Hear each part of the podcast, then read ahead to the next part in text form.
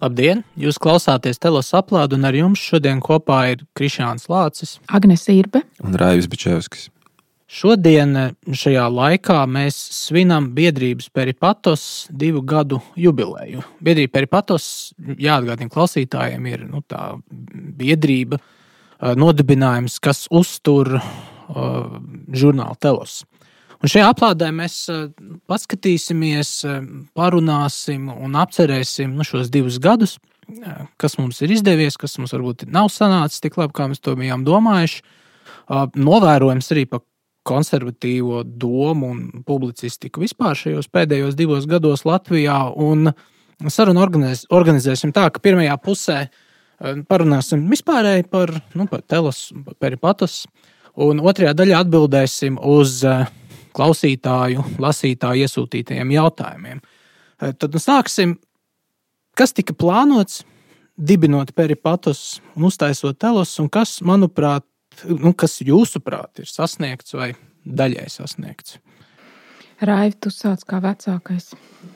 Mm, nu, jā, uh, nu, es jau domāju, ka divu gadu jubileja norāda, ka sasniegts uh, ir jau eh, diezgan daudz. Proti, ka ir saglabāta kontinuitāte, un kā pēc šiem diviem gadiem mums nenāk neprātā mēs šai lietai mieru. Mm. Tā tad atvērta nākotne, tas jau ir eh, jau labs secinājums pēc diviem gadiem.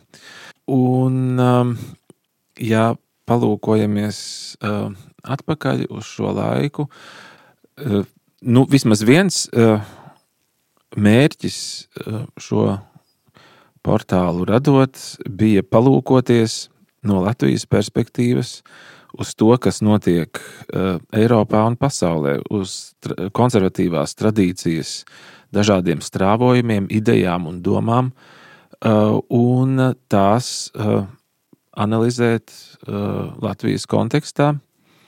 Un man šķiet, ka šis uzdevums, proti, arī konservatīvās tradīcijas, pasaules un eiropeisko elpu ļaut manīt Latvijā. Šis uzdevums noteikti ir, ir to ir izdevies uh, īstenot, un tas ir uh, pat ļoti labi.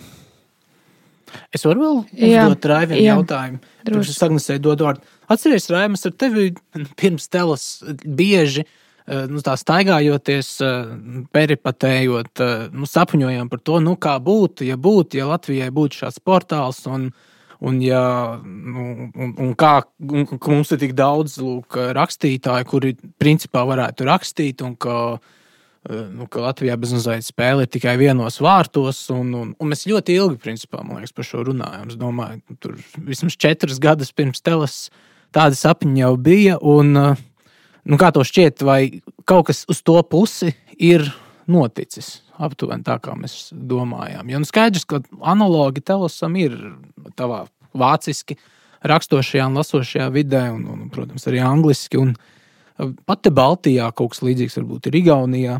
Bet nu, vai tev šķiet, nu, ka tas, tas virziens, vektors ir aptuveni tāds, kā mēs savulaik sapņojām?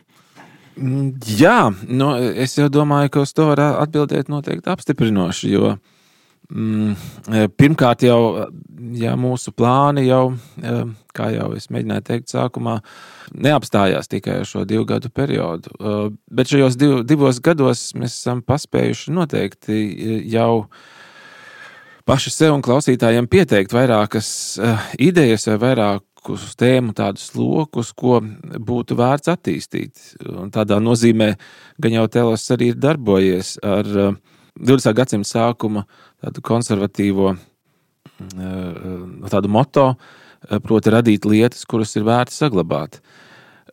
Un gan jau pats Telos ir viena no šīm lietām, es uzdrīkstos tā teikt, bet noteikti arī daudz kas no tā, ko mēs pirms tam runājām, tajos četros, piecos gados, Eh, tas ir sākts uh, cilāt un iestrādāt uh, jā, pēdējos telos divus, divus gadus, un es domāju, tas arī turpinās mūs nodarbināt.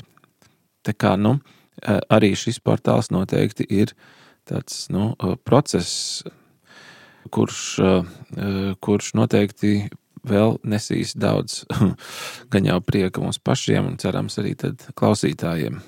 Turklāt, kas ir svarīgi ar telus, manuprāt, ir, ka ir izveidojies pietiekami liels arhīvs, nu, kas ir tādi kā resursu krātuve, no kuras smelt, pie kuras atgriezties, pie kuras aizvadīt kādu lasītāju, nu, kādu jautātāju, nu, kur jau kaut kādi argumenti ir un uz kuriem tad būvēt tālāk. Labi, Agnese, Jautājums tev, kas jā, bija plānots jā, un jā. kas sasniegts? Nu, tā vispirms par to arhīvu, ko tikko pieminēju. Nu, jau ir vairāk nekā 300 vienību, kas lielākā daļa ir raksti vai tulkojumu. Vidēji ir nu, jā, lielā apjoma darbi, ja, kas ir desmit lapus vai pat vairāk.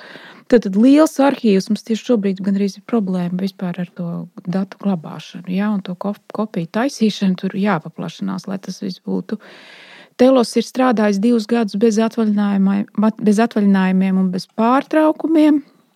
Nesolu, ka vienmēr tā būs. Jā, būtu ļoti labi nu, kaut kādu mirkli attiekt no tā. Mēs vienā no ierakstiem pagājušajā nedēļā portālā nopublicējām izvilkumu no uh, biedrības peripatos statūtiem, ja, kas tika uzrakstīti vairākus mēnešus pirms vispār telos parādījās ja, tajā pašā stākuma stadijā. Un es sev par zināmu izbrīnu secināju, ka mēs ne tikai esam precīzi sekojuši tiem uh, definētajiem mērķiem, bet visiem šiem mērķiem, ja, tam izglītojošam, analītiskajam, ja, arī uh, diskusija ar sabiedrību, dalība procesos, reakcija uz notiekošo, ja, tur, un, un vēl vairākas citas lietas. Ja, tā tad rietumu kanāla. Rietumu klasiskās domas mēģināšana atdzīvināt, arī nu, informēšana, iepazīstināšana, raksti, kas veltīti tieši un konkrēti ja, tad, tad lielajiem eh, kanonu pārstāvjiem. Eh, tulkojumi latviešu valodā no piecām, sešām valodām. Lielākā, jā, man liekas, lielākā daļa, vai pat pilnīgi visi no tādām nu, tekstiem, kas nekad nav tulkoti, lai gan autoru vārdi ir dzirdēti ja, Latvijas sabiedrībā. E, nu tā. Mm.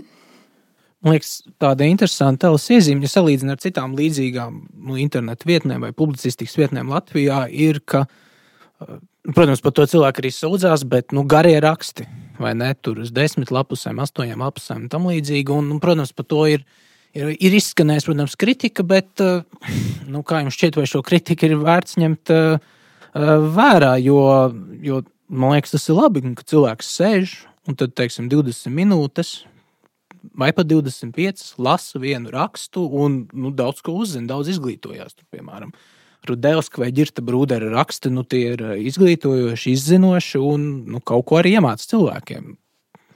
Jā, man liekas, ka. Lai gan mūsu uzstādījums bija tikai 4-5 lapus, bet jā, arī šie. Mūsu uzstādījums sākumā bija 4-5 A4 lapus, ja, un tagad, viņš, tagad tas ir vidēji 10 un vairāk. Tā tas ir kaut kā nobīdījies. Um, pat grūti pateikt, kāpēc. Ja, jo cilvēki kaut kā īsāk nevar, ja viņiem vajag vairāk vietas, vairāk laika, lai viņi izteiktos. Bet es gribu atgādināt, man liekas, es, esam to arī teikuši kādās intervijās un pieminējuši. Ja. Anna Kudora sacīja to.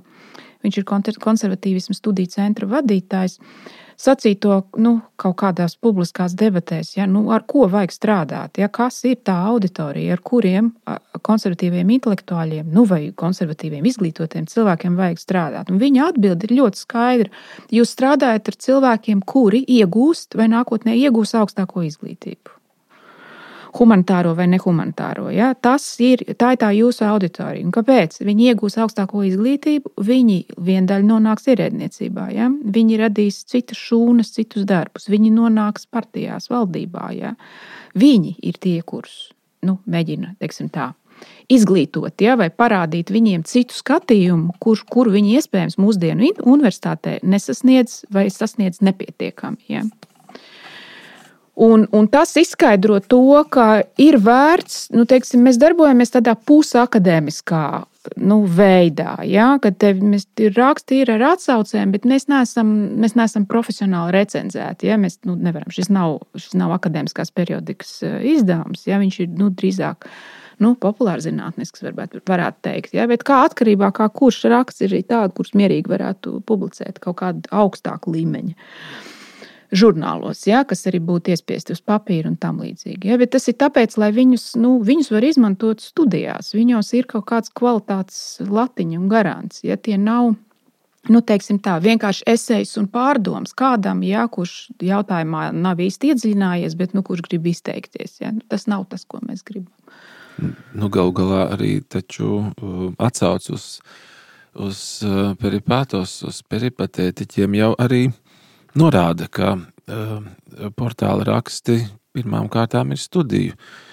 Ja nolūkos rakstīti un nu, laikmetā, kurā kādreiz mums ir jāapmierinās ar informāciju, kas ietilpst vienā datora ekrāna atvērumā, šāda tipa raksti un šāda nodarbe sevis, zinām, arī trenēšana, izlasot 80 lapas puses pār kādu visai tomēr komplicētu ja, tematu, nu, tas nozīmē arī nu, savā ziņā ne tikai, ne tikai nezinu, prasīt no lasītāja, lai viņš ir gatavs vai, vai top lasīšanas procesā, ja, top gatavs ja, šāda tipa rakstus lasīt arī turpmāk, bet tas nozīmē arī uzstādīt ja, zināmu latiņu, pie kuras arī gan jau telos turpmāk arī turēsies.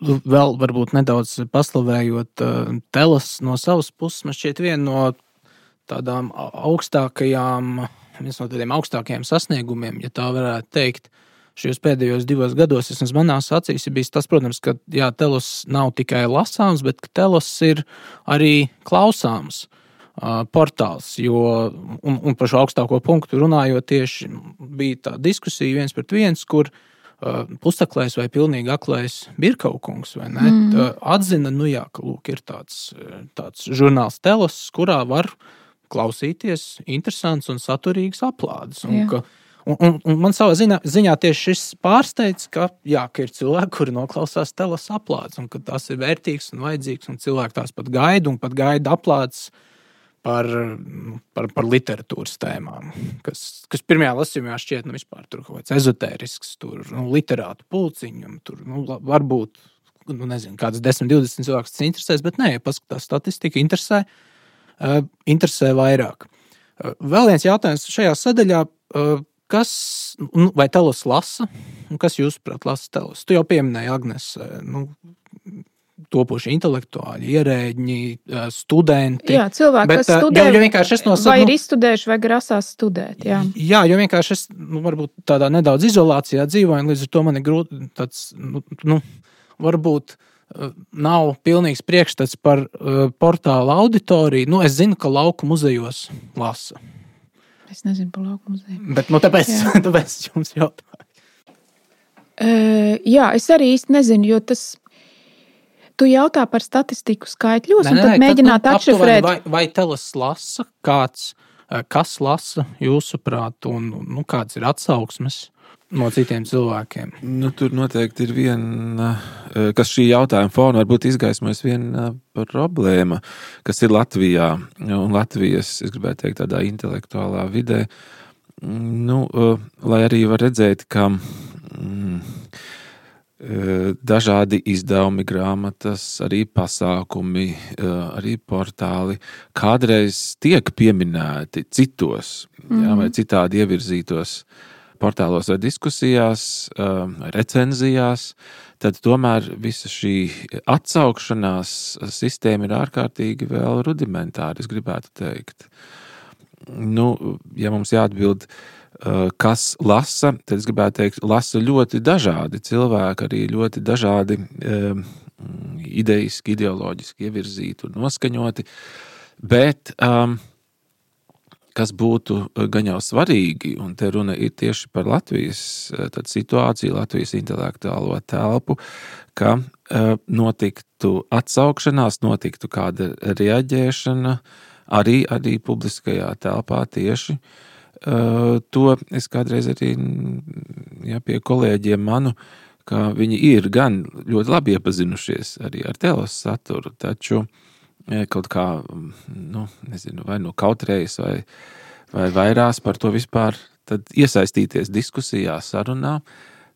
Un man jau šķiet, ka viens no tēlas uzdevumiem ir bijis un noteikti arī būs vispār šo intelektuālo sarunu veicināt. Jā, bija, bija tāda in, in, nu, interesanta epizode, ko es ar šķību smaidu atceros, tā, kad tur rāvi par to runā. Ka punktu magazīni, ja, kas daudzus gadus pastāv, un arī no tiem, kas nu, tur atvērti visiem skatījumiem un ļoti iekļaujoši un par dažādību, ka viņi vai nu pasūtīja, vai kā citādi Haraldam Matulim, laikam uzrakstīt par tiem jauniem filozofijas žurnāliem. Haralds Matuls uzrakstīja ļoti slavinoši par to jauniešu filozofijas izdevumu tvērums. Tā diezgan smieklīgi raksta. Un tad es domāju, ļoti labi, tagad būs arī pa mums, nu, tā kā dažādībai iekāpšanai. Un nebija. Un es domāju, ka nu, tā ir mana versija, ka tur bija kaut kāds nu, signāls no vadības, ka nevajag reklamēt, nevajag pieminēt. Jo tad cilvēki ies iekšā un sāk, nu, sāks kaut ko lasīt, ja, un tad viņi tur sasūcās kaut kādas citas idejas. Tur, nu, kaut kā tā. Jā, tā kā tas secino, nu, varētu secināt, ka telos... man bija žēl, jo, jo būtu varējuši uzrakstīt, nu, pilnīgi iznīcinoši, ja, nekompetenti, tādi, šitādi, fašistiski, nu, jebkādi, nu, iznīcinoši recenzijas būtu, nu, pateicīgi, ja, jo šī ir Latvijas kultūras telpa, ja, viņi, nu, viņā ir arī citi cilvēki, ja, un, nu, teiksim tā, arī izglītot cilvēku ar savu skatījumu, ja, bet nē, tu nepiemini, nerunā par to, nevienam nesaka izlasīt, ne, nepārsūta nekad nekādus linkus, neko vienkārši. Ja? Tā tad kopsavilkot, jāsacina, ka Telus no vienas puses ir pamanīts, Telus zina, bet. Nu, Nevar pieminēt, jā. Me, nevar. Me, jā. Bet kāpēc? Nu, es nezinu kā tas bija memento memorijā, ir kaut kāds damnācio memorijā. Damnācio memorijā, jā. Nu, tas kaut kādā brīdī vairāk, nu, es domāju, ka nu, beigsies, ja, jo nu, divus gadus jau pastāvam, tas arhīvs diezgan liels, un tad nu, tā kā nevarēs pilnīgi to uzskatīt, ka tā nav. Ja. Bet, jā, ne, man liekas, ka tā ir sava veida nu, tāda gļēvulība, kas nepiestāv cilvēkiem, kuri sevi nu, tomēr skata ar ļoti plašu redzesloku, un no kuriem arī viena daļa vispār ir pasniedzēju universitātēs, humanitārajās. Nu, tā man liekas, ka tas nu, tā nevajadzētu darīt. Un, nu, manuprāt, arī Latvijā publicistikas kultūra vēl nav atgriezusies tajā nu, kā jau to pasaka, enerģētiskas doma apmaiņas eh, un viedokļu apmaiņas līmenī, pēc tam kvalitatīvā, kāds bija nu, varbūt pirms 30 gadiem.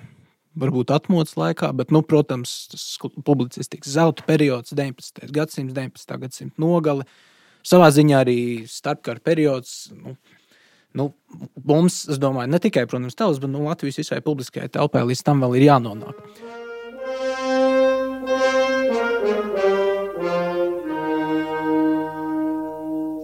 Labi, uh, par telas nākotni dažas tēmas, uh, kas mums varbūt nākotnē ir plānotas, kādi jauni uzsvari, kaut kam vairāk pievērsties no tā, ko mēs jau esam darījuši. Es pieteikšu varbūt tikai vienu, ja, lai gan ir vairākas, ja, un arī, nu, kas turpināsies no esošajiem gadiem. Uh, tēma, viena no tēmām, kur mēs mēģināsim nu, no dažādām pusēm jā, apskatīt, cilāt, arī aplādēs, jā, vismaz divās, trijās jā, skatīt, ir bērnu dzimstības jautājums, kurš ir kritiskā stāvoklī. Un tas nav kaut kāds mans personīgās sajūta vai kā.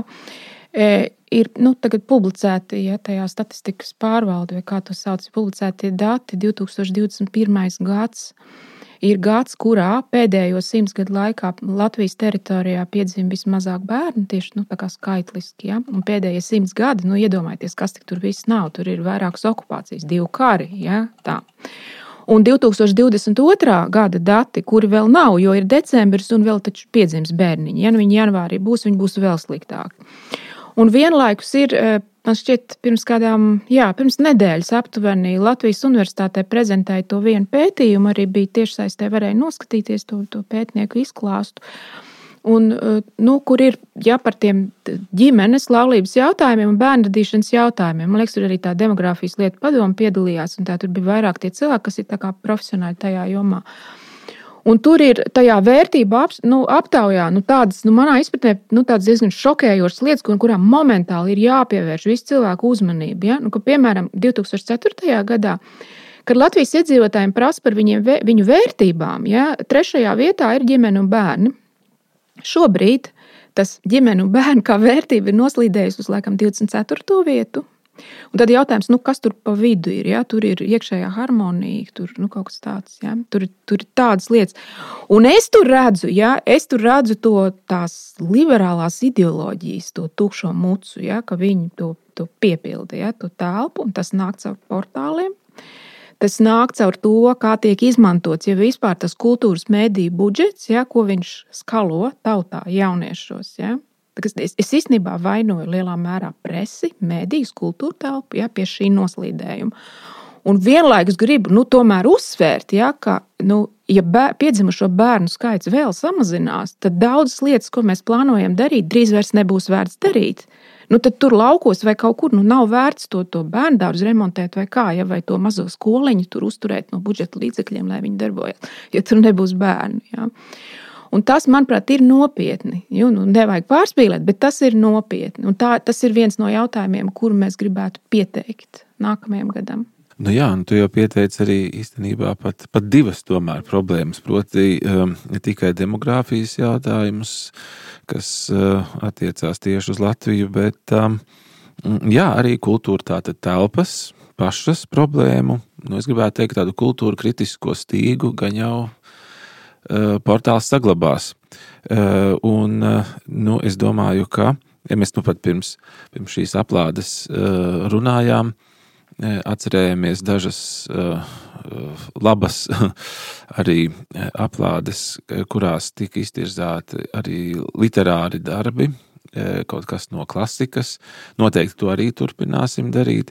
Nu, es pieļauju, ka varbūt mēģināsim vairāk arī citu Eiropas valstu eh, konservatīvos domātājus, arī universitāšu vidas pārstāvis iesaistīt un, un eh, izjautāt un eh, ar viņiem dalīties. Nu, kā Dāvida Engels, piemēram, intervija, ko tu mums Jā. sagādāji, tas, tas arī, es domāju, Jā, es domāju, ka mēs turpināsim tā arī to darīt priekšu. Jā, un nu, no savas puses var apņemties pievērsties tieši etnogrāfijas jautājumu samedīšanai, nu, vispār saprast, kas ir latvieši, kas ir latviešu identitāte. Latviešu savpatība, jo nu, man liekas, nav jāslēpj, ka tuvākajos gados, protams, Austrum Eiropa mainīsies, jo nu, kaut kādā brīdī Krievijai jāzaudē karā, un kaut kādā brīdī Ukrainai jāuzvar, un tad, protams, spēku samērs eh, šai pus Baltijas jūrai mainīsies, un mums vajadzēs saprast, kā visā šajā dažādo tautu jūrā, nu, kas, kas vispār ir latvieši. Un, Es domāju, mums ir ļoti daudz labi humanitāro zinātņu pārstāvji, kuri ar to ir nodarbojušies. Vienkārši, man liekas, izčākstot Latvijas programmai, daudz kas, daudz kas ir kaut kā paputējis, aizklīts vējā. Vispār šķiet, ka arī letonistika kā nozara, kā tāds īpašs. Nezinu, humanitāro zinātņu sfēra. Nu, nu jā, vai, es teiktu, jā, pēdējos vismaz piecos gados ar vien vairāk kaut kur aiziet otrajā plānā. Uh, dodot vietu tur, nu, nezinu, starptautiskajiem sakariem, starptautiskām kaut kādām identitātēm. Tam līdzīgi. Līdz ar to es gribētu, cik nu manos spēkos tas būs, tieši pievērst uzmanību letonistikai. Uh, labi, uh, jautājums tagad par konservatīvismu definīciju, jo man šķiet, ka Telos ir bezmazliet vienīgais tāds interneta žurnāls vietne, kas ir sevi skaidri, idejiski nu, vai ideoloģiski pozicionējis. Mēs skatāmies citās vietnēs, kā viņas sev piesaka, nu, vienalga vai pat uh, ziņu portālos, tur Delfa TV, net, nu, tur ir it kā piedāvāta, nu, ja ne neitrāla, tad tāda vispārēja, tāda, nu, vispārēja pozīcija, uh, skaidri nenosaucot vārdā to. Nu, ja ne tās brilles, tad drīzāk tos uzstādījums vai kaut kāds pamatprincips, caur kuriem lietas tiek skatīts un vērtēts. Un, un tad es atceros, jā, protams, ka telos tikko parādījās. Nu, drīz jau pirms diviem, gandrīz, drīz būs jau gandrīz divi gadi, kopš arī telos tika palaists martā. Uh, nu, tur sākumā, protams, bija arī medijos tā rezonance, ka, nu, jā, nu, lūk, beidzot, konservatīviem būs savu vietu. Nu, ļoti interesanti, ko tie konservatīvie mums pateiks. Un, un tad pēc, pēc pusgada vai pēc gada, nu, jau no daudziem, kas sākotnēji uz tā sākotnējās jūtas pacēluma bija izteikuši atzinības vārdus, Daudz tomēr teica, nu, nē, šis tomēr par radikālu. Tas, tas nav tas īstais konservatīvs. Tas jau kaut kā tur nu, margināli un radikāli un tam līdzīgi. Nē, nē, tur konservatīvs ir kaut kas cits. Līdz tu, to, tu, citē, tu citē deputāts no partijas konservatīvajā, jā, pirms iepriekšējām vēlēšanām bija kaut kas tāds. Jā. Ne tikai arī citus eh, nu, sociologus, intelektuāļus, kur sākumā, nu, kuriem sākumā šķita, nu jā, nu, ka būs ļoti jauki un patīkami, bet beigās nu, viņi tomēr izdomāja, ka nē, ka šis ir ka telis tomēr ir pat traku. Jā, bet nu, jautājums par konservatīvs, jo nu, tev, Agnēs, piemēram, man šķiet, es teiktu, to nepatīk šis vārds. Nu, um, mēs viņu lietojam tāpēc, ka nu, to Tāpēc, cilvēku labāk. Šķiet, ka latvieši lab... ir konservatīvi, vismaz nu, no manas puses. Nē, mēs lietojam to vārdu un definē, definējamies caur šo vārdu, tāpēc, ka mums šķiet, ka to var saprast. Ja? Un tādā ziņā nav nepareizi teikt, ka telos ir nacionāli konservatīvs, sociāli konservatīvs, kristīgi konservatīvs. Tur tas nav melots. Bet, nu, ja tas būtu jāizvērš, ja, tā, tā, tā precīzāk jāpasaka, tad es atkal varu aicināt lasīt vadlīnijas, nekur neko neatkāpjos no tā, kas tur ir sacīts. Es par sevi sacītu, ko es aizstāvu. Dabīgās tiesības, klasisko teismu, um, tautu pašnoteikšanos, uh, rietumu civilizācijas virsotni, kas ir 13. gadsimta Akvīnas Toma monumentālajos tekstos, manuprāt, ja? un izriet no turienes, ja? un ved atpakaļ uz turieni, ko mēs vēl aizstāvam. Ja? nu, īstenībā arī daudzveidība, dažādas, nu, tos, tos, tos dažādas skatu punktus un dažādas tos posmus, kas var būt cilvēka domāšanā, jā, bet kas visi ved uz to dabīgo labumu, kas ir zināšanas cilvēkam. Raivi konservatīvismu jēdziens, cik adekvāts? Nu, jā, nu, eh, tad, kad uh, mums ir uh, jāpasaka pavisam pāris vārdos eh, tādas būtiskas lietas, eh, tad eh, nu, nevienmēr to ir izdarīt ļoti viegli. Protams, mēs varētu atsaukties kaut vai uz šo pašu jau reiz pieminēto moto vai, vai tādu lozungu, ja radīt lietas, kuras ir vērts saglabāt. Bet, ja mēs palūkojamies atpakaļ uz pēdējiem diviem Eiropas gadsimtiem, tad mēs redzam, cik lielā mērā pozīcija, e, ko varētu jā, nosaukt šajā vārdā konservatīvismu, kas tapa lielā mērā kā mēģinājums saprast, kādas sekas izriet īstenībā no Franču revolūcijas un vispār no apgaismības jā, laikmeta, un kā tālāk e, vispār kopienām, sabiedrībām Eiropā dzīvot.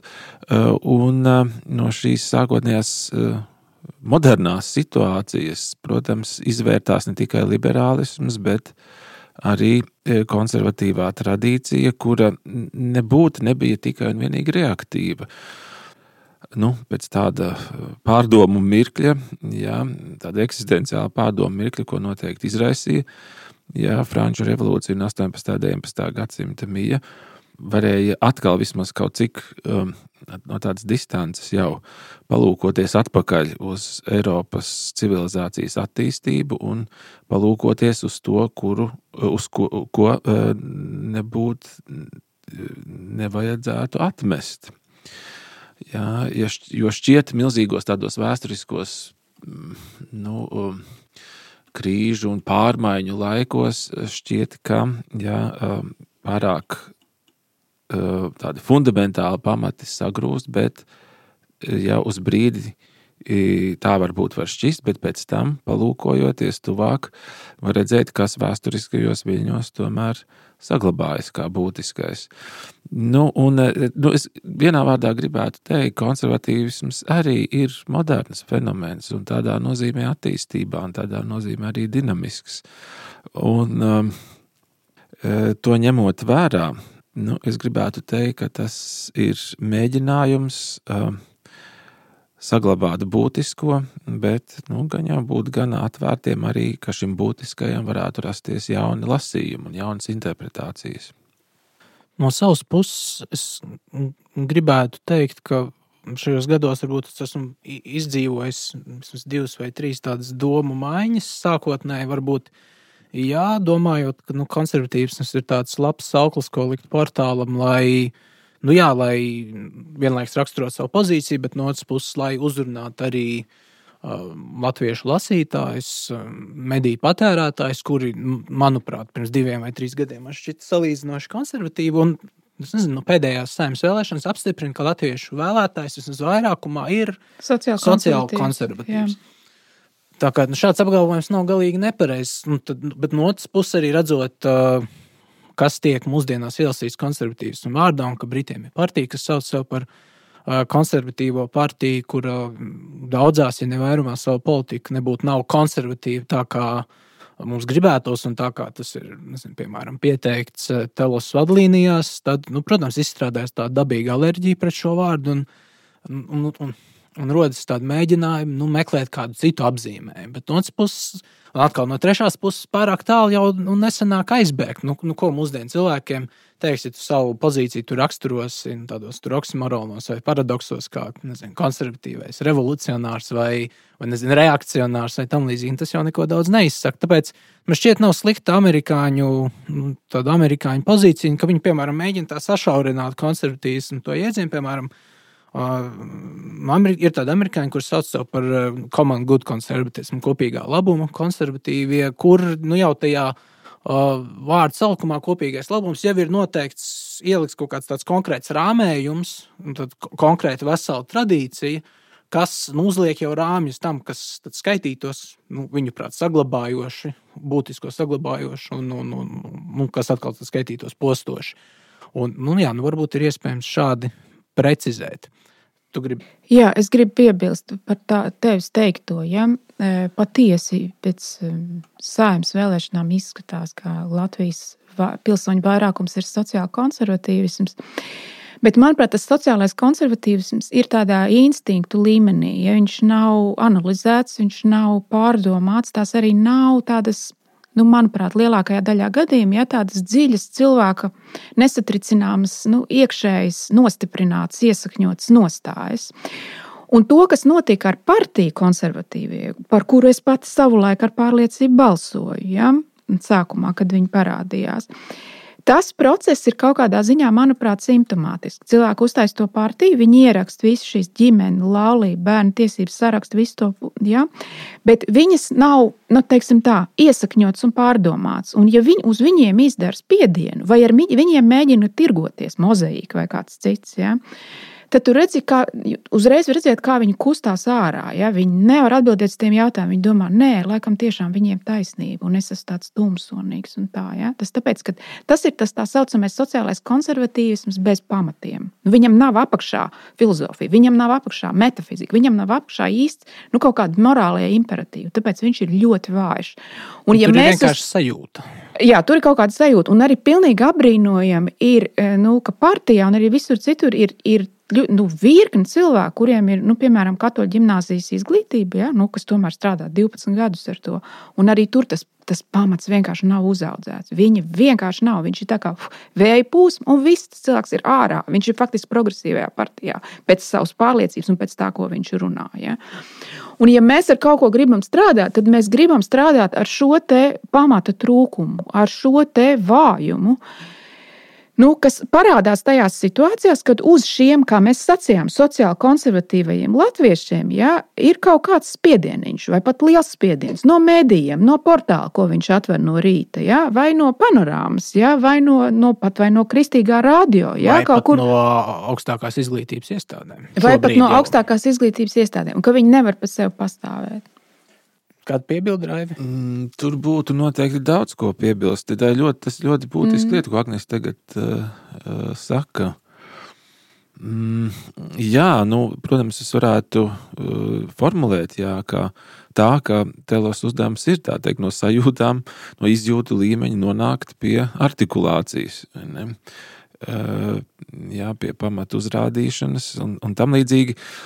Jā, šeit man šķiet, vairākas lietas sadurās un saskarās, un, un tas tāds būtisks punkts. Proti, mēs jau varētu ļoti vienkārši palūkoties uz Latvijas kultūra telpu un teikt, ak, jā, tās pašas visas vecās, arī postpadomju jā, telpas, kaut kādas iezīmes, un tas latviešu konserva, sociāla konservatīvisms vai konservatīvais noskaņojums tādos sociālos jautājumos. Galu galā tā jau laikam ir tikai tāda piesardzība un turēšanās nedaudz tā kā atstatus, ja maliņā vai ne. Mm, un ātri var šo izjūtu norakstīt, ja, un tādā nozīmē arī norakt, ja, norakstīt Norakt. uz šo postpadomu, ja, kaut mm. kādu simptomātiku. un vēl pat savienot ar, ar kaut kādu nu, uzburtu, ja šo tēlu par ilgām, ja un ilgošanos, varbūt pat pēc ja, kādiem padomju laikiem. Pat.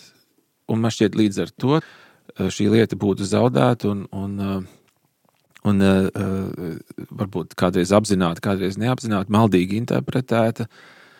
Un uh, man šķiet, ka ļoti svarīgi, ka uh, telos parāda un, un pierāda ar, arī savu, uh, savas pastāvēšanas laikā un turpinās to darīt, ka lūk, šis latviešu piesardzīgums un struktūrālais konservatīvis, teiksim tā, ir savienojams, un tas ir jāsavieno ar Eiropeiska tipa konservatīvu tradīciju, uh, un tas arī ir iespējams. Jā, nevis padomju funkcionāru konservatīvismu.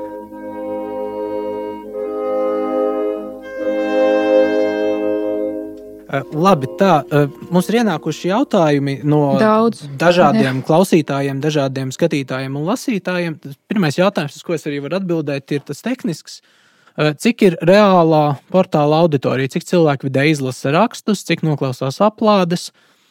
Nu, es paskatījos vakar statistiku par pēdējām 30 dienām, un tur ir Cloudflare statistika, tā varētu teikt. Un, nu, tur, tur ir stāv rakstīts, es nezinu, ticēt vai neticēt, un kā vispār atšifrēt šos skaitļus. Nu, unikāli apmeklētāji, kas angļuiski ir unique visitors, ir 13,65 tūkstoši. Divos gados? Nē, tas ir par, par, par pēdējiem, pēdējām 30 dienām. Okay. Tad ir tāda sadaļa, kas saucās Total Requests. Es nezinu arī, kā to atšifrēt, bet viņa, tur, ir, tur ir rakstīts 259 tūkstoši šajās pēdējās 30 dienās. Nu, ja mēs skatāmies, piemēram, pēdējās 30 dienās visvairāk skatītāji, nu, apmeklētāji dienā ir 1,41. E, drīzāk, jā, tas ir 1400 skatītāji maksimums vienā dienā. Nu, unikāli apmeklētāji. Nu, minimums 817. Tad tas kaut kā kopā saskaitās un ir tā. Agnēs arī parādīja tieši mūsu WordPress datus. Nu, nu, nu, proti, tas, kas ir iebūvēts vietnē, ja? es nezinu, nezinu kam jā. ticēt. Tas ir pilnīgi apbrīnojami. Jā, no dažādiem tiem mērētājiem. Dažā. Bet nu, tas, kas man liekas ticami, ja? vidēji vienu, lasi, vienu rakstu izlasa 200 līdz 300 cilvēki, nu, tā izskatās. Ja? Dažus izlasa 1700 un pat vairāk. Ja ir tie populārie raksti, kas visiem ļoti interesē, tad viņiem ir daudz. Tad vidēji dienā ienāk portālā 200 cilvēku, 250, tā dažreiz vairāk. Mēnesī tas izklausījās ticami. Mēnesī oriģinālie tie apmeklētāji ir 5000. 5000 jā. Jā. Tas, tas man liekas, nu tā. Jā pēc tās aktivitātes, ko mēs redzam komentāros, tie man liekas ticami. Jā, un aplādes vidēji noklausās nu, arī pēc Ankora, kas ir tas aplāžu serveris, ja tā to var nosaukt. Datiem vidēji noklausās no 300 līdz 400, bet es domāju, ka iespējams arī ka vairāk. Nu, tās klausītākās aplādes ir tur ap 800, 900 cilvēkiem pēdējos divos gados. Tā, nu, tas ir tehnisks jautājums. Uh, tad, eh, jā, nākotnes iecerēm kaut kādā ziņā tas jau mums eh, izskanēja. Tikko ienāca arī jautājums, vai ticat un cerat uz svārstu, ka vērtības eh, dienas kārtība no kreisa liberāls jau sāk iet atpakaļ? Kurā fāzē mēs esam un kas par to liecina? Vai tas svērtenis? Jā, nu, noteikti. Noteikti arī Eiropā, ne tikai Latvijā kreisajam progresīvismam un arī tam kreisajam bezdomu liberālismam ir atplūde. Ja viņi šobrīd spārda no visām pusēm, viņi spārda par to, kā, ir, nu, kā šī kustība ir pati, kā līdz galam neapzinoties aizgājusi tur līdz bērnu transseksuālismam no vienas puses, ja, un no otras puses, ja līdz nacionālo valstu vispār robežu un pašnoteikšanās noliekšanai, ja, tur tas, tas nāk savukārt dēļ Ukrainas, dēļ kara Ukrainā. Tad tur, tur, ja. Bet jā, tas svārsts, jā, viņš iet atpakaļ. Uh, nu, tā mūsu cerība bija, ka Latvija varētu, varētu kaut kā izsēdēt, ja, un, un, un tos, tos progresīvos jauninājumus paspēt neieviest. Ja, jo svārsts virzās atpakaļ arī, nu, tā es redzu, ja, arī citās zemēs, nu, Itālijā šobrīd, pat Zviedrijā. Uh, Francijā viss tas lab, labai konservatīvais flanks ir diezgan spēcīgs jā, un sašuts par daudzām lietām, kas notiek valstī, un viņa balss aizvien skaļāk uh, izskan. Kā tev šķiet, Raivi? Jā, nu, protams, vienmēr šādām nu, lielām laikmeta vīzijām, jā, par lielajiem svārstiem vai nākotnes laikmetu nezinu, tuvošanos. Nu, tur ar to, protams, vienmēr var arī gan uzmanīgi apieties, bet es, nu, es teiktu, ka jā, palūkojoties arī uz to, kas ir pārunāts arī ar kolēģiem universitātēs uh, Eiropā. No vienas puses, universitātes vide jau vienmēr ir bijusi tā, uh, kurā dažādu ideju sadursme ja, tiek nu, izcīnīta tādā ja, intelektuālā ja, formā. Uh, bet nu, es gribētu teikt, ka tomēr pēdējos gados arī redzēt tādu milzīgu universitāšu noslēgšanos pa kreisi. Um, nu šķiet, ka tas vairs nav tik viennozīmīgi visur un vienmēr. Protams, es gribētu būt arī šeit gan tāds atturīgs vai piesardzīgs. Uh, jā, nu, uh, tās vīzijas, ko mums piedāvā uh, kādreiz tādi aizmirsti, varbūt 20. gadsimta kultūras un vēstures filozofi, tajās gan jau ir vērts ieklausīties un par tām atcerēties. Uh, un um, ieklausoties tajās, gan jau var arī kādreiz vēstures soļus tīri, tīri labi jāsaklausīt. No savas puses varētu īsi piebilst, kas man šķiet tāda svarīga, svarīgs notikuma pavērsiens pēdējos divos gados tieši konservatīvā flangā ir, ka, nu labi, Anglijā, nu, ja skatāmies uz anglo fono telpu Anglijā, uh, nu, tur ir konservatīvs un varbūt sliktāk, bet kas ASV, manuprāt, diezgan pozitīva attīstība notikusi. Kā konservatīvie nevis vienkārši nu, aizstāvās vai šokējās par kaut ko kārtējo no labās vai voku, no, no kreisās vai voku puses, visādi traki.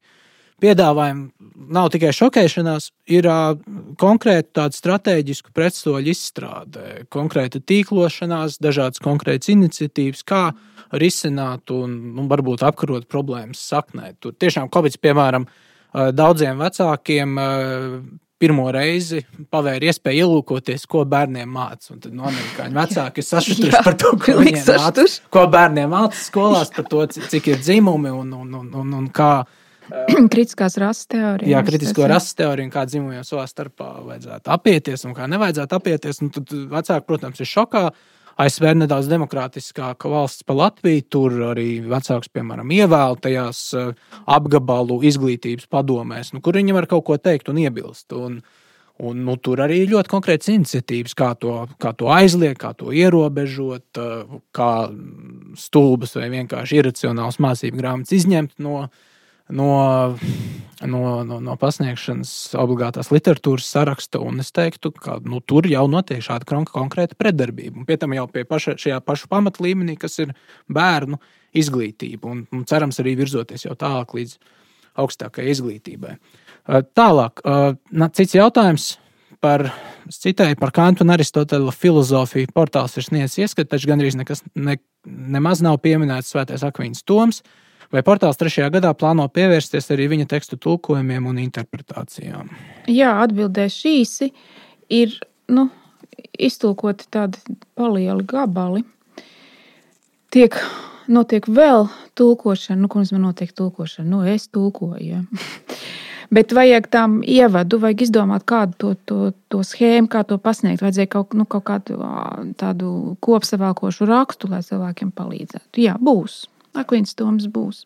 Daudz kas būs, būs paskāls. Jā. Es ceru arī pastrādāt ar spinozu, jā, kaut kādiem tādiem citiem virzieniem, jā, kas varbūt neiet tik precīzi tajā mūsu.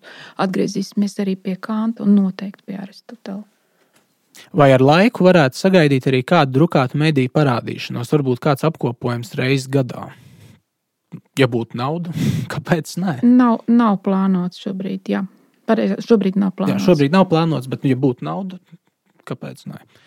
Uh, nedaudz nesaistīti jautājums. Kā sokas uh, konservatīvas un studiju centram, kura valdē ir arī telos redakcija, vai top kādi pētījumi? E, šobrīd konkrēti netop, jo vadītājs un dibinātājs Ants Kudors ir Amerikas Savienotās valstīs, kur viņš izglītojās, mācās. Un es negribu runāt viņu, viņu vārdā, bet attiecībā uz konkrētu darbu pie rakstu krājumiem šobrīd tā darbība ir iesaldēta. Cits jautājums, vai jūsuprāt, sadaļas izklāsts slavinājums stāsts ir sev attaisnojušas, varbūt gaidāms jauns. Uh, nu, lasītājs kopsavilka ir tikai daži slavinājumi, un viņš raksta, šķiet, ka latvietim slavinājuma formāts ir pats grūtākais, vai arī palicis pārāk maz ko slavināt. Kristiāna, nu, pareizi es runāju, vai ne? Nu, mēs nemainīsim tās sadaļas tikai tāpēc, ka nu, latvieši nav iemācījušies kaut ko paslavēt. Nē, nē, nē, bet strādāsim. Ne, man šķiet, ka tas ir tieši slavenājums sadaļā ļoti laba, jo brīnišķīga, brīnišķīga sadaļa. Tas pats Pēters Bankovskis. Nu, brīnišķīgi slavina. Viņam, varētu viņam, viņu nosēdināt mm. un likt viņam slavināt konkrētas nu, lietas, konkrētas autors, ko viņš ir lasījis. ko viņš ir lasījis. Jā, tas ir. Vēl īsi piebildi par to, piedod, Kristiāna. Ja? Teiksim, tu pieminēji Pēteru Bankovs, kas varētu pieminēt vēl vairākus autors, kuram man, man personīgi, un arī nu, mums abiem ļoti patīk tas veids, tā pieeja, tas tonis, tas vai ne kā tas top. Ja? Bet tad, kad mēs skatāmies to pašu nelaimīgo statistiku, tad mēs redzam, ka pat šitiem te konservatīvi domājošiem lasītājiem, ja nu, viņiem vajag klikšķināt uz ātrajām ziņām, ja tur nu, pa, pa kaut ko, ja lūk, pa Covid uzrakstu, tad, tad uzreiz viss saskrien metās lasīt. Ja. Bet par Edmundu Bērku, nu, to laikam atliek, nu, pavasarī, kad būs brīvdienas, tad lasīsim kaut kā. Man žēl, bet nu, tā tas ir. jā, jā. Nu, tā ir sociālo tīklu loģika. Tā jautājums, vai tiek plānota arī kāda starptautiska sadarbība, aktīvāka komunikācija ar citu valstu konservatīviem domātājiem, kas atspoguļotos portālā? Es domāju, Man skatoties atbildēt, uz raivi, ka. Nu, jā. jā, noteikti plānosim. Jau šajā gadā e, pavērās vispār kādas iespējas arī tieši sadarbībā ar, ko tu pieminēji, jā, Davidu Engelsu. Uh, bija iespēja arī piedalīties Vācijā, konservatīvo diskusijā, kurā piedalījās uh, Bundestāga bijušie deputāti un, un uh, vēl citi jā, cilvēki. Nu, uh, es domāju, ka uh, nu, mēģināsim šo sadarbību izvērst un tieši Telosa un Peripātas vārdā arī turpināt. Jā, jā nu tas īsi piebildi. Ja tas, tas ir atkarīgs no mūsu raksturiem un temperamentiem. Ja? Teiksim, tur Aivi daudz brauc, tiecies ar cilvēkiem, runājiet. Ja? Un man tas neatbilst šim manam dzīves periodam, un es nu, maksimāli izvairos no tā, ka, lai gan iespēja ir un arī aicinājumi ir, nu, braukt tur četras dienas kaut kādā valstī, ja, tērējot saziedāt, saziedot to peripatos naudu, kuras vienmēr pietrūkst, un tur varbūt satikties kādiem cilvēkiem, kaut ko ar viņiem sarunāt. Tā, nu. Es tai, vai, tā, tā vietā labprāt izvēlos sēdēt, tulkot akvīnas domu. Ja? Bet tas, tas tā, un man tā tīklošanās spēja personīgi pietrūkst. Ja? Jo, jo man tas aicinājums ir cits, un es, man arī nepatīk lidot, un, un tā tālāk, un tā joprojām. Ja? Un tāpēc tā mūsu sadarbība ir tāda, nu, kad viņi ir, ja viņi ir tekstuāli, ja mēs kaut ko paņemam no citiem portāliem, iztulkojam. Ja. Ir, ir arī nu, telosam tās dažas, dažas lietas, kas ir pārpublicētas. Iespējams, ka būs vēl šeit uh, svarīgs tāds uh, nu, arī ideisks jautājums. Man liekas, šo varētu garu runāt.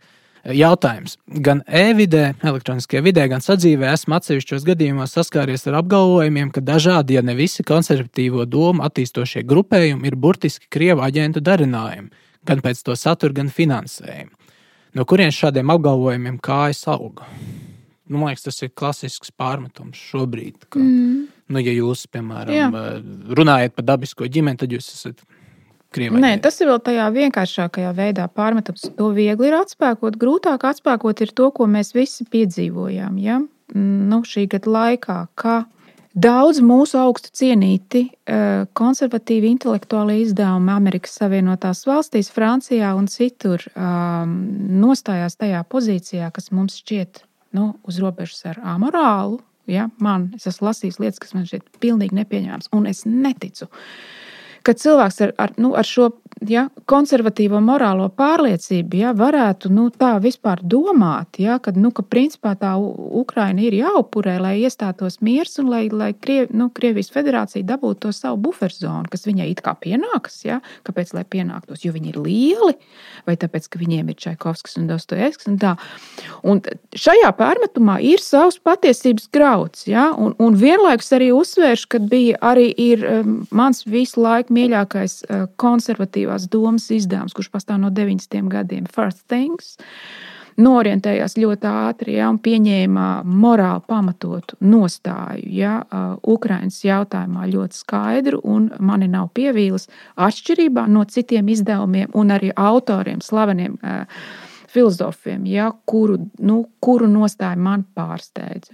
Es arī ne, daudzus no postliberāļu autoriem, kurus pats arī esmu mēģinājis reklamēt, dažos savos teles uh, rakstos, nu, es viņus vienkārši nevaru palasīt. Jo mm. nostāja par Ukraiņas karu ir vienkārši amorāli un nesaskanīgi ar tiem principiem, kurus viņi Kur viņi paši postulē. Jā, kurus jā. viņi paši postulē. Bet, nu, tev, Raiva, man liekas, par šo tēmu vispār varētu būt.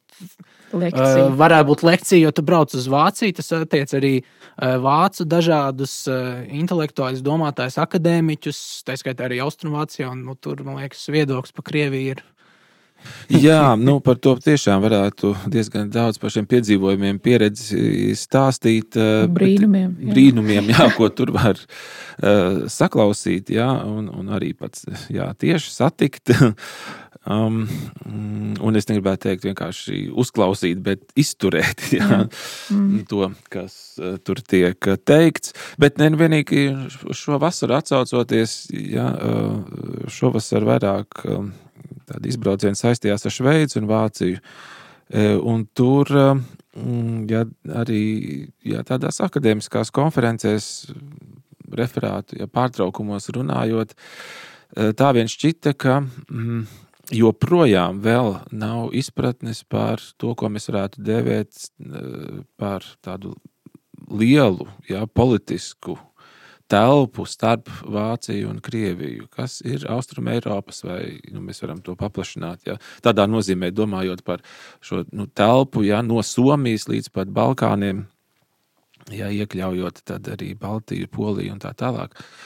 Nav izpratnes joprojām par šo politisko telpu, un daudzi secinājumi un daudzi apgalvojumi, kas, piemēram, arī dažādos ja, uh, izdevumos, kas sevi dēvē par konservatīviem, izskan ceļās no tā, ja, eh, eh, ka, kā lai saka, šī Austrum Eiropas problēma vēl nav apgūta, nav apzināta, nav izstrādāta, varētu teikt, tā, artikulēta. Jā, bet tajā pat laikā mēs taču redzam, jā, ka Polija, kas laikam gan nav nodēvējama, jā, Eh, par uh, konservatīvām idejām, naidīgu ja, valsti. Mm -hmm. Jā, pilnīgi skaidri un, uh, un nepārprotami taču nostājās ja, kara situācijā. Ukrainas pusē vai ne pret Krieviju. Tā kā nu, tāds apgalvojums, ka konservatīvisms un tā idejas jā, to aizstāvēt un par tām runāt nozīmē tikai pūst kaut kādā Krievijas taurē, nu, tās, tās nav skatoties Eiropu. Tomēr eh, tāds skatījums nav pareizs. Ja, nu, Galu galā arī, arī mm. pati Ukrāņu tauta, nu, visi socioloģija līdz karam nu, liecina, ka tā nebūtu nav tā progresīvākā vai liberālākā Eiropas tauta. Iespējams, tā ir viena no konservatīvākajām Eiropas tautām, bet nu, ir izplatīts šis narratīvs, ka, lūk, cīnoties pret Krieviju, viņi vienlaikus cīnās arī pret nezinu, pret dabisko likumu, pret, eh, pret, pret neiecietību, pret, pret ksenofobiju un tam līdzīgi. Ejot pat tik, līdz tik tāliem absurdiem, ka Ukraiņa cīnās pret nacionālismu. Kaut gan, kaut gan tie ir Ukraiņu nacionālisti, kur cīnās pret Krievu imperiālismu. Bet, nu, nu, jā, un, un es tev tūlīt došu vārdu, un, un arī neobligāti tie ir kaut kādi labējie intelektuāli rietumos, kuri tur slavē vai mēģina relativizēt Krievijas agresijas karu. Tas pats īsi pēc kara sākuma, tas pats uh, Jurgens Habermas, iespējams, eh, nu, zināmākais un ietekmīgākais eh, vācu pēckara domātājs. Nu, viņš arī nopublicēja tādu rakstīnu, kur viņš tā, nu, mēģina relativizēt, un arī par eh, Zelenski pateica, ka nu, nu, viņš tur savas retoru un aktieru spējas izmanto. Un, Un, nu, jā, un tu mēģini aizstāvēt to Vācijas pozīciju, iet nu, neitrālo nosacīt pozīciju. nu, stāvot starp Ukrajinu un, un Vāciju. Un, un, protams, Timotejs Snaiders pēc tam diezgan labu kritiku nopublicēja par Habermas. Nu, Habermas ar šo rakstu sev pilnīgi tā, nu, kaut kādā ziņā morāli diskreditējis. Līdz ar to nu, jā, šis nav, nav, nav sakarīgs pārmetums konservatīviem. Jā, nu, varētu īsi piebilst par to, ja vēlreiz domājot, nu, kāpēc tik ļoti pievīli, ja arī virkni nu, pietiekami nozīmīgi konservatīvo komentētāju un domātāju. Tas ir arī tas, ka viņi acīm redzot, paši netic ja, vienam no nozīmīgākajiem savas domāšanas pīlāriem, un kas tomēr ir mazo, nu, teiksim, tās dabīgās tiesības, ja, mazo grupu savstarpējā pieķeršanās, solidaritāte ja, ar to savu dzīvesvietu, solidaritāte un pienākumi pret ja, paplašināto ģimeni, kas ir tavs etnos, ja, kas ir tā, nu, tā, tā tava dzīvesvieta, tā tava dzimtene, kur tu esi, ja, šīs tavas ielas, ja, šie, šie tavi koki, šie tavi senču kapi, ja, šis, ja, šī iesakņotība. Ja. Eh, Rodžers Skrūtons 80. gados, ja, tad, kad viņam Tolaik bija ja, šī brīnišķīgā iespēja ieceļot ja, Padomju Savienībā un arī runāties. Viņš ļoti labi saprata, ja, par ko Čehi stāv, ja, par ko poļi stāv. Viņš redzēja tur atspoguļojumu. Viņi stāv nu, par savu valodu, par savu zemi, pret okupāciju, pret to, ka kāds cits viņiem diktēs no Maskavas vai no Brīseles vai vienalga. Ja.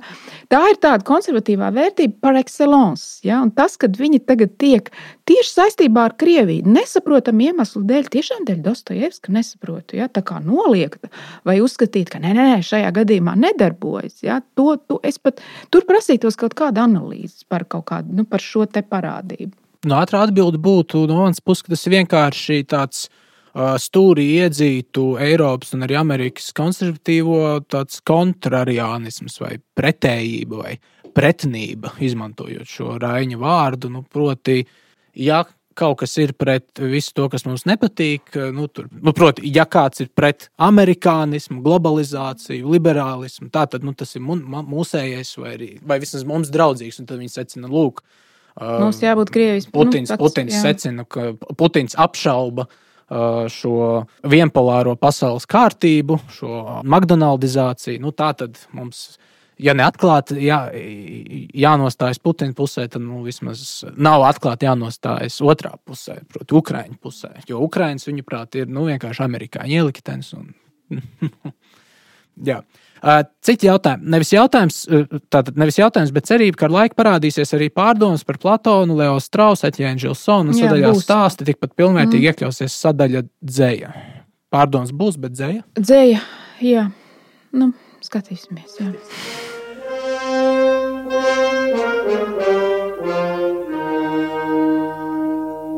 Kas, jūsuprāt, ir lielākie šķēršļi tam, lai telas stila konservatīvā doma pārtaptu par spēcīgu ilgtermiņa politisko kustību Latvijā un Rietumos? Uh, nu, Telos ir intelektuāls portāls. Mēs neveidojam uh, ja, politisko partiju, kas cīnās par balsīm vēlēšanās un tā, ņem savās rokās ministrijas. Ja? Mēs to nedarām, es to noteikti arī nedarīšu. Es arī nemaz nedrīkstu to darīt. Bet Telas var veidot sabiedrisko domu, kurā noteikti politiskie piedāvājumi vai principi kļūst jā, iespējami. Jā, un es ceru, ka kaut kādā mērā tas arī notiek. Ja? Ka, ka, ka mēs. Nu, Vismaz ar dažiem saviem rakstiem vai rakstu sērijām, kaut kādiem cilvēkiem, kas meklē īstos vārdus, lai aizstāvētu savu vai pozīciju, pal, jā, vai argumentus, nu, palīdzam, varbūt nedaudz ja, to ja, bet, noformulēt. Bet es varu atkārtot tieši to, ko es teicu pirms diviem gadiem. Ja. Mēs nu, ik pa brīdim saņemam pārmetumus, kāpēc jūs neesat portāls, kāpēc jums nav ziņas sadaļa, kāpēc jums nav konservatīvie žurnālisti, kas ar mikrofoniem iet klāt pie cilvēkiem, uzdod jautājumus. Ja, tā. kāpēc nu, jums nav jauniešu sadaļas, kāpēc neesat TikTokā, kāpēc neesat esat tur un tur, kāpēc jums nav raidījums TV. Nekas no tā, ko es tagad saku, nav pārspīlēts. Ja? Visi vis šie jautājumi ir tikuši uzdot. Es saku, nu, uz ko es varu atbildēt? Nu, mēs nu, būtībā ja, to saturu taisa divi cilvēki, ja, kas par to visu atbild. Uh, Mēs strādājam bez brīvdienām, jau, un es nevaru izvērsties uz vēl citām pusēm. Un pat ja es varētu, es negribu, jo es strādāju tajā savā kompetences nišas jomā. Ja? Televīzijas raidījumi nav mana kompetence, nav mana interese. TikToks jauniešiem vēl mazāk. Ja? Tādējādi, tādējādi Būtu brīnišķīgi, ja telos nu, ir kaut kādā lielākā puzlē, ja viens gabaliņš, ja, kurš dara tieši šo, dara šādā veidā, jo viņiem patīk šādi darīt. Ja, un viņi šeit ietrenējas un māk. māk ja. Portāls jauniešiem ir jāveido kādam citam. Ja. Eh, televīzijas raidījumi ir jāveido kādam citam. Vai ne?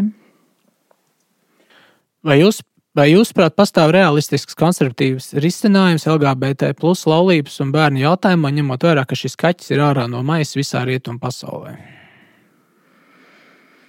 Raivi, kaķis ārā no maisa. Nē, es domāju, šis jautājums vienkārši ir praktiski. Nu, kā, kā to risināt? Nu, Latvijā mēs esam šo jautājumu risinājuši tā, ka nu, izstāsta, ka arī šī saima risinās vienkārši uzkarot uz diedziņu un atstājot tā kā karājoties gaisā. Nu, nu, principā to varētu at mēģināt atrisināt ar referendumu, bet nu, skaidrs, ka referendums būs pietiekami polarizējošs. Uh, līdz ar to nu, politiķi arī visticamāk neizies uz šo scenāriju, bet nu, vienkārši mēģinās izlikties, ka šis jautājums kaut kur karājas gaisā, un tad ik pa laikam droši vien otru pusi iesniegs uh, tos savus 20 vai 10 tūkstošus parakstus, nu, tas nonāks saimā, tiks noraidīts, un tā tas viss cikls ies. Ja nu vienīgi kaut kas netiek uzspiests no Eiropas Savienības puses, tad, nu, tad, tad, tad, lūk, tad tiešām būtu jādomā praktiski, ko darīt tālāk. Uh, tur, kur uh, nu, tas ir neizbēgami, tādas jautājumi, kas attiecās uz visu sabiedrību, tomēr uh, tad, kad, uh, kad tie tik lielā mērā kļūst par politikas. Tādiem punktiem, jautājumiem, kuri uzrāda nu, to politiķu arī spēju vai nespēju uh, kaut kā pārstāvēt uh, sabiedrības uh, jā, kopējo noskaņu. Tādu valenti ģenerāli varētu teikt, vai ne? Mm -hmm. Uh, nu, tie, protams, ir sarežģīti jautājumi. Kā ar tiem var strādāt intelektuāls portāls, nu, katram, katram gadījumam noteikti teikt, neslēpjoties un sakot, jā, kas skatoties uz sabiedrību kopumā, kas skatoties uz uh, laikmetu, uz vēsturisko mirkli, uh, nu jā, protams, uz individu likteņiem, kas mums šķiet pareizi un, un, un svarīgi jau uzsvērt un akcentēt varbūt to, ko, ko kādreiz medijos mēs arī nu, vienkārši nedzirdam, neredzam. Ļoti ātri. Mēs redzam, protams, šodien jā, paskrien ziņas, kuros šie jautājumi tiek pieminēti, bet neiedziļinoties. Tas, par, kur nu, bija jautājums, ja, kaut kādā ziņā arī par to civilās savienības likumu, tas bija tas implicītais jautājums tajā. Um, mozaīkai un visai tai LGBTQ, ja, tai apvienībai um, iet sliktāk, manuprāt, nekā pirms desmit gadiem. Nu, kāpēc? Un tas pat nav tāpēc, ka lūk, tur traucē kaut kādi konservatīvie domātāji, ja? bet tas ir tāpēc, ka arī tāda nu, drīzāk draudzīgā vai vienaldzīgā, vienaldzīgā Latvijas sabiedrības daļa, kuriem liekas, nu, kāds, nu, lai viņi tur kaut ko sareģistrēs, kam tas vispār interesē, iet Latvijā vai kaut ko pieregistrēt, dzīvo nost. Ja? Viņi ir arī sapratuši, ka tā ir ideoloģija un ka viņi iet uz priekšu un, eh, un viņi neapstāsies. To, to var ļoti labi redzēt nu, tajos procesos, kas notiek citās valstīs. Un to pat var redzēt. Uh, viņu pašu ja, uh, mozaīkas un dzīves biedru kustības, ja, ko viņi īstenībā atklāti saka, laikam neapzinoties, ja, ka nu, pēdiņās sabiedrība tam nav gatava. Ja. Es rūpīgi klausos viņas vispār kvīru dienas, visas tās, iedomājieties, kvīru dienas. Ja. Uh, visas tās viņu garās, garās debatas. Ja, Kvīra telts, eh, Kvīra telts. Jā, un tad viņiem bija tā, tas, tas dzīves biedru jautājumiem jā, veltītais pasākums, ja, kur ir puse. Puse, viņi, domāju, viņi vēl nav panākuši ja, šo, šo te it kā laimīgo, it kā uzticīgo lesbiešu un geju, un tikai pa divi. Ja. Uh, reģistrāciju, un viņi runā, ka tagad par nebināris tiesībām jācīnās, ja? vai kaut, kaut kādu vēl, vai, poliamor, vai nu, tuvu tam, ja? jo redz, tur, tur vispār nekas nav panākt. Un, un, un bērnu transseksualitātes jautājums, ja? vispār, ka tas tiek pacelts. Un, un tas bremzē tos centriski vienaldzīgos, kas pirms desmit gadiem būtu teikuši, manis pēc, lai dzīvo. Jo šobrīd tas vairs nav jautājums, lai katrs dzīvo kā grib, ko viņš arī dara. Tas ir jautājums par valsts likumiem, ja? par to, kam mēs vispār ticam. Pēdējie divi jautājumi. Kādas grāmatas nākotnē plāno izdot izdevniecība Kodoka? Nu, mēs visi esam bijuši iesaistīti dažādos Kodokas projektos. Es nezinu, varbūt Agnēs vai Raivis zina. Daglas Marija Pūļa neprāts ir šobrīd iespiestuvē, manuprāt, jā, redzēju pēdējo maketu un vāku, ļoti jauks vāks. Tad, tad viņi būs tūlīt. Bija cerība, ka līdz Ziemassvētkiem var paspēt nopirkt. Iesakām šo grāmatu. Esam arī portālā Telos publicējuši divus izvilkumus. Ja? Un noteikti veltīsim arī aplādi, kurā izdevniecības direktors Jāzeps Baško ir apsolījis piedalīties. Tas varētu būt janvārī. Par nākamajām grāmatām, kas ir Kodoka, nezinām, tur jājautā Baško. E, es zinu, ka Raivis Zeltīts arī grasās nopublicēt Kodokā savu grāmatu nākošā gada laikā. Tā kā nu, klausītāji var to gaidīt. Nu, konservatīvās domas bibliotekā mēs esam apsprieduši. Jā, Kas būs ar, vēl, vai ne? Jā, jā. ar Jāzepu dažādas idejas. Nu, viena e, tāda attīstības līkne, kas nu, man šķistu ļoti laba, ir, ka ņemot gan vērā šo britu jā, tradīciju, ja skrūtons, varbūt augšsaciņas skolotājs, bet tad arī citu Eiropas konservatīvo tradīcijas, franču, vācu autorus. Uh, nu, uh, Jāzeps teica, nu, galvenais, lai šīs idejas būtu tādas, kuras varētu noderēt šī, šajā brīdī, šajā laikmetā, arī šeit Latvijā. Nu, es jau zinu, man ir tāda saku, da, dab, dabīga tendence uz akademizāciju, bet, bet uh, nu, gan, jau, gan jau mēs kopā tad, uh, jā, šeit uh, atradīsim jā, īsto ceļu. Bet varbūt kādi vārdi jāmin arī par kādreiz plāniem, ka arī biedrība Peripatos varētu izdot. Agnēs varbūt to arī pateikt. Jā, biedrība Peripatos apsolīja savu, savu izdevniecību, nu, kas nozīmē uh, reāli kaut ko izdot, bet mēs uh, nesam spējuši šobrīd to vēl realizēt. Bet ieceras par, piemēram, Aristoteļa valsts lietām. Jā, Aristoteļa valsts lietas ir nu, pārņemtas atpakaļ no Rīgas laika izdevniecības. Tas, tas izdošanas tiesības ir mums, bet uh, grāmata nav novesta līdz tam, tam punktam, ka viņi varētu izdot. Labi, un noslēdzošais jautājums, uz ko var pat neatbildēt, jo viņš pats par sevi skan skaisti. E, gribēju pajautāt par lūkšanām. Vai redakcija un raksta autori lūdzas, kad gatavo vai rediģē rakstus? Vai ir kādas labas lūkšanu prakses tieši šiem gadījumiem? Piemēram, varbūt rožkroņa meditācijas dod ierosmi jauniem materiāliem, varbūt apziņotības pilna psalmu lasīšana, piemēram, saprast, kas ir tie ienaidnieki un negantnieki. Un vai cilvēkiem būtu jālūdzas par biedrību portālu un varbūt par neokonservatīvo novirzienu vispār? lūdziet, un jums taps dots. Man ir tā, tā man personīgā uh, lūdzēja ētikas kodeks, un viņš man neļauj. Nu, no manas puses atbildi ir uh, nē. Nu, tas ir citādāk. Nu, Un kāpēc tas ir citādāk? Tāpēc, ka telos ir kaut kas, kas man patīk, ko es gribu, un uh, ko man arī vajag, man, Agnesē. Ja? Un tad es savu lūdzēju ētikas kodeksa dēļ izvairos, nu, teiksim tā, vai ne? Vērsties pie tās absolūtās transcendences un teikt, nu, man te Agnesei tādas vēlmes apmierini. Jaunu zābakus arī gribētu šogad. Nu, es vienkārši nedaru to. Man tas drīzāk ir tā, nu, ka, ja, ja ir tas tīkams, tad, nu, tad, tad nu, tev par godu. Ja, ja nav, tad piedod mums mūsu grēkus un nepilnības. Nu, tā nu, no manas puses teikt, tas ir katra paša personīgās sirdsapziņas jautājums. Mm, jā, nu, tā noteikti tas tā ir.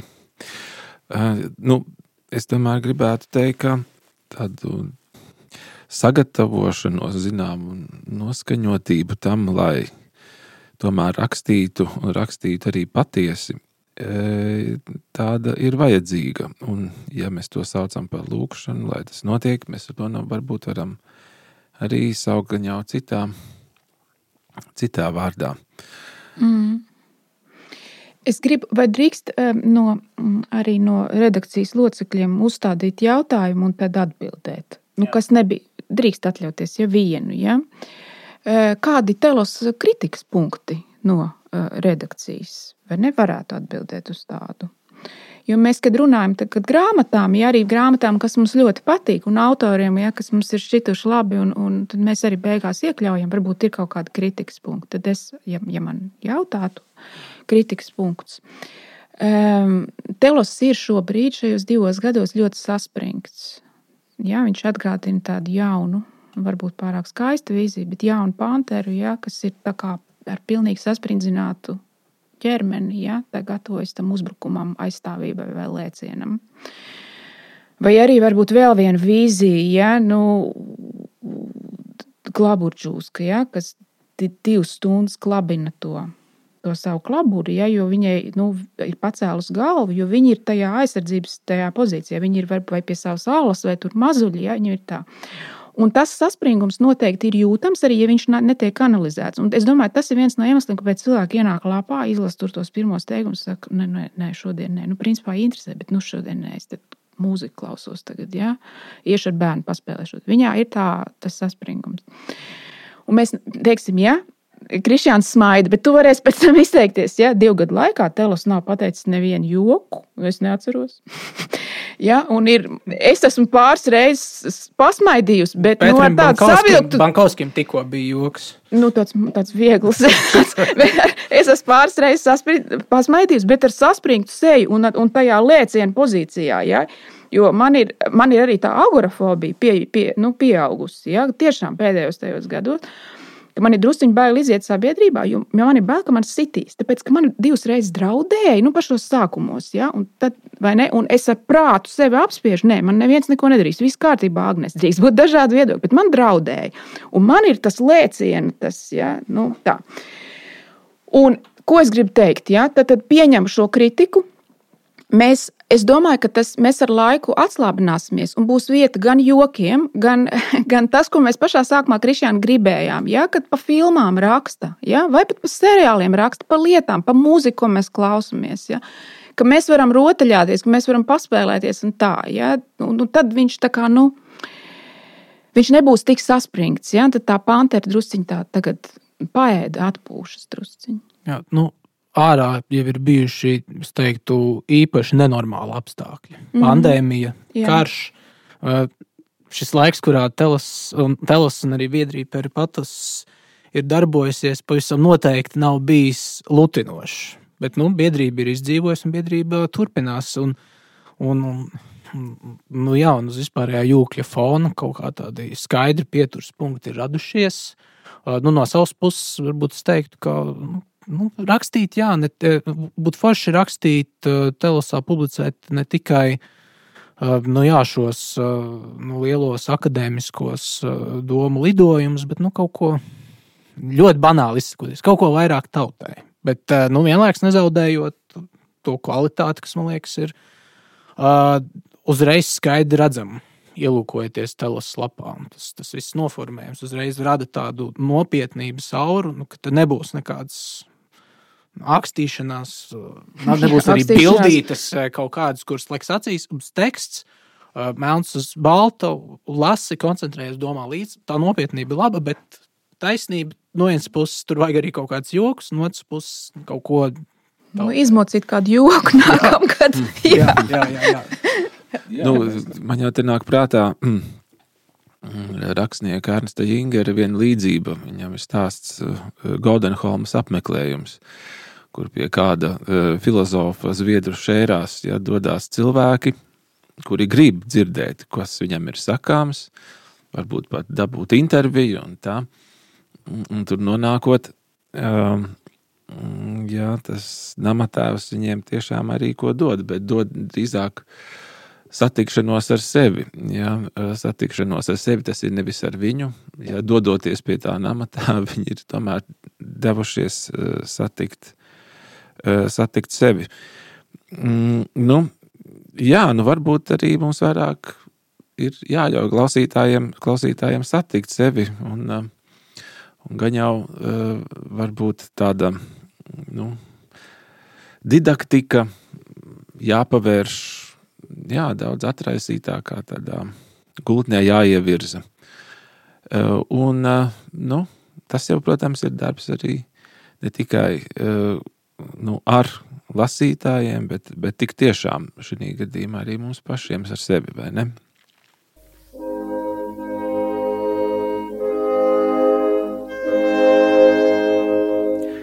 Mēģinājām atbildēt uz lielāko daļu iesūtīto jautājumu.